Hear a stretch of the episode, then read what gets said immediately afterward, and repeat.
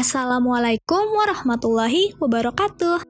Halo Kogiters, selamat datang di episode perdana Kogito Speak Up.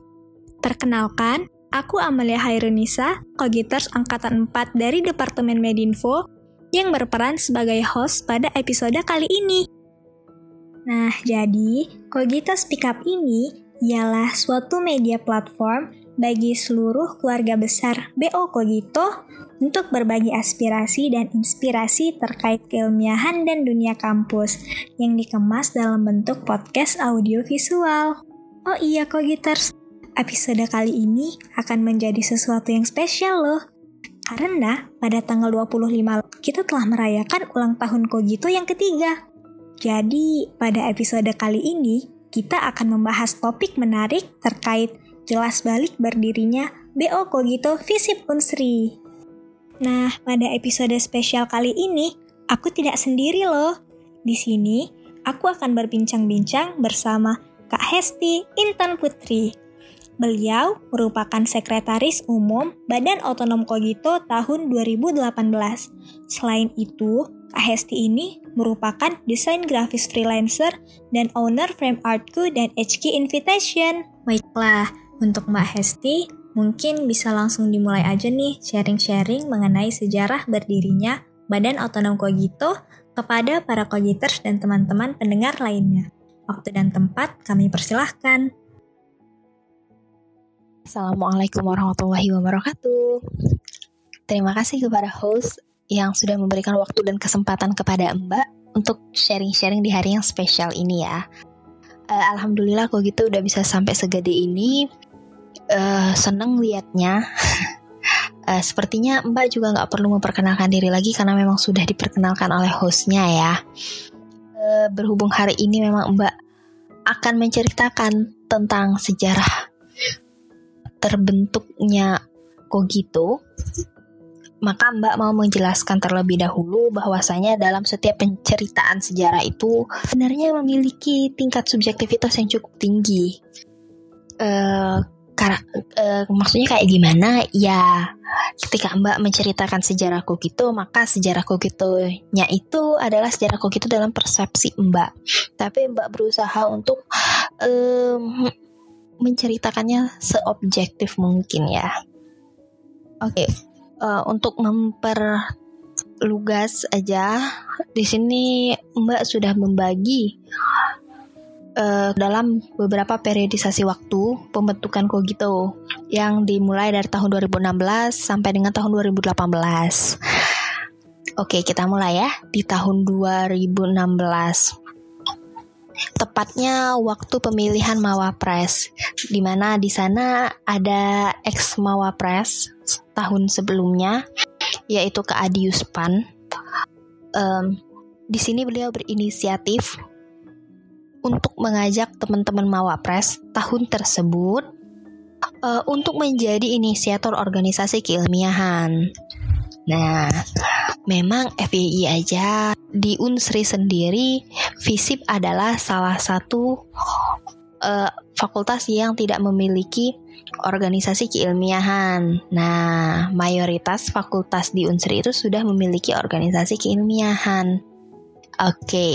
nah, tapi karena saat itu banyak ya kakak-kakak senior yang apa sudah semester akhir dan ke alam itu salah satu yang masih angkatan muda lah. Jadi ke Adiuspan mempercayakan ide pembentukan organisasi keilmiahan tersebut kepada ke alam untuk direalisasikan. Oke, mulai dari sana dilakukanlah diskusi-diskusi untuk menentukan nama diajukan beberapa nama, salah satunya yaitu Kopra, Komunitas Pena dan Retorika. Nah, dalam diskusi-diskusi lanjutannya, eh, banyak juga ya nama yang diajukan lagi dan ke alam mengajukan nama Kogito. Sampai pada akhirnya disepakatilah nama Kogito untuk menjadi nama organisasi keilmiahan di FISIP. Oke. Okay.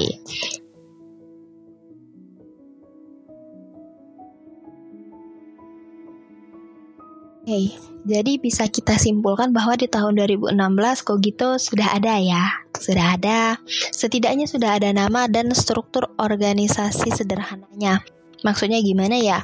Sudah ada cikal bakal direktur utamanya kan, tentu saja. Oke, jadi kita lanjut ke tahun 2017. Nah, di tahun 2017 ini 2017 awal ya tepatnya Kak Alam sudah mulai membentuk struktur organisasi yang lebih kompleks daripada sebelumnya. Di mana sudah ada departemen-departemen dan orang-orang yang mengisinya ya. Nah, pada tahun 2017 awal itu juga Kak Alam meminta bantuan Mbak untuk mem membuat logo. Untuk membuat logo kok gitu. Yang tentu saja berbeda ya dengan logo kok gitu pada saat ini. Oke, okay, uh, 2017 itu juga uh, Kogito sudah menjalin afiliasi atau menjalin kerjasama dengan uh, Yurit dengan Yurit de dengan artian berarti Kogito saat itu komunitas Kogito ya sudah diakui sebagai komunitas keilmiahan di FISIP meskipun belum legal. Meskipun belum legal, tentu saja. Jadi, dapat kita simpulkan bahwa di tahun 2017 awal, Kogito sudah memiliki struktur organisasi yang lebih kompleks, sudah punya nama dan sudah punya logo dan tentu sudah memiliki pengakuan. Oke. Lanjut ke 2017, masih di tahun 2017 tapi di apa namanya di bulan Oktober atau November Mbak lupa. Mbak memang aktif di Yurit dari tahun 2016 ya 2015 atau 2016 sekitar itulah Mbak sudah aktif dari awal masuk kampus di Yurit. Jadi di tahun 2017 itu setelah Mbak demisioner di Waki eh, memiliki departemen yang mengurusi eh, seluruh BO yang ada di Unsri ya, BO keilmiahan maksudnya. Nah, di situ Yurit menawarkan Yurit menawarkan diri untuk mendampingi Kogito sampai dengan menjadi BU. Dalam artian mereka bisa mengarahkan apa yang harus dipersiapkan dan lain dan dan lain-lainnya. Jadi karena Mbak memang tidak memiliki wewenang apa pun, Mbak bukan inisiator Kogito ya. Dari awal memang jadi apa Mbak uh, berdiskusi akhirnya Mbak menyampaikan dari Yurit tadi ke Kak Alam. Sampai beberapa kali diskusi, akhirnya Kak Alam menyepakati untuk pendampingan tersebut. Oh iya, Mbak tadi lupa cerita kalau memang di tahun 2017 tadi kan Mbak katakan sudah memiliki organisasi apa struktur yang kompleks ya. Tapi sempat vakum di pertengahan tahun. Tidak memilih belum memiliki kegiatan. Kogito itu belum memiliki kegiatan. Ah, di tahun 2017 tadi kembali lagi kita ke uh, eh, 2017 November disepakati akhirnya kita didampingi oleh Yurid dan sampai dan alhamdulillah di tahun di bulan Desember 2017 uh, Kogito struktur baru struktur baru dan di launching di uh, Instagramnya Kogito gitu dengan Kak Alamsyah sebagai direktur utama dan Mbak sebagai uh, sekretaris umum pada saat itu. Nah, uh, alhamdulillahnya lagi ketika Desember 2017 itu posisinya ya, kok kita sudah punya nama, pun, sudah punya struktur organisasi yang jelas, sudah launching juga, sudah punya logo yang baku, sudah punya logo yang baku dan yang pasti sudah punya ADART. Nah, bermodalkan inilah uh, kita mulai open recruitment. Nah, sudah mulai open recruitment bulan tahun 2018 kalau nggak salah Januari kita sudah mulai open recruitment. Anggotanya itu dari tahun angkatan angkatan 2016 dan angkatan 2017. Oke, kita lanjut ke tahun 2018 ya. Eh, setelah open recruitment tadi uh, di bulan Februari 2018 karena kita sudah memiliki yang sudah seperti Mbak sebutkan tadi ya, kita juga sudah punya anggota juga. Jadi kita bisa mengajukan diri sebagai BSO atau Badan Semi Otonom yang mana ini dinaungi oleh BMKM Visip Unsri Kabinet Kol Kolaborasi pada saat itu. Uh, gubernurnya Kak Rahma Rafinzar. Dari situlah kita bisa mengcover agenda-agenda waktu itu Kemeristek Dikti ya. Eh, agenda-agenda turunan seperti Mawapres, FEDC dan KDMI FYI aja sebelum Kogito ada Mawapres itu diadakan oleh fakultas yang diwakilkan oleh Mawapres terpilih tahun sebelumnya dan FEDC juga KDMI itu pun belum terlaksana pada saat itu. Nah, bermodalkan itulah salah satunya ya. E, kita bisa meresmikan diri sebagai badan otonom karena dianggap sudah mapan ya. Bisa dikatakan seperti itu sederhananya sudah bisa berdiri lah, sudah memiliki program kerja yang jelas, struktur yang jelas, logo yang jelas, dan juga kita sudah memiliki jaket pada saat itu ya, jaket pertama. Jaket pertama, oh ya, ini uh, fun fact-nya aja, jaket pertama Kogito itu nggak punya lambang unsri. Nggak tahu jaket yang sekarang ya, nggak punya lambang unsri, adanya lambang bendera Indonesia itu karena mbak yang ngedesain ya kita nge Mbak ngedesainnya itu waktu kok gitu masih menjadi komunitas. Mbak ngerasa kita nggak punya hak ya lambang Unsri karena kita belum resmi atau belum legal uh, di Unsri sebagai organisasi keilmiahannya.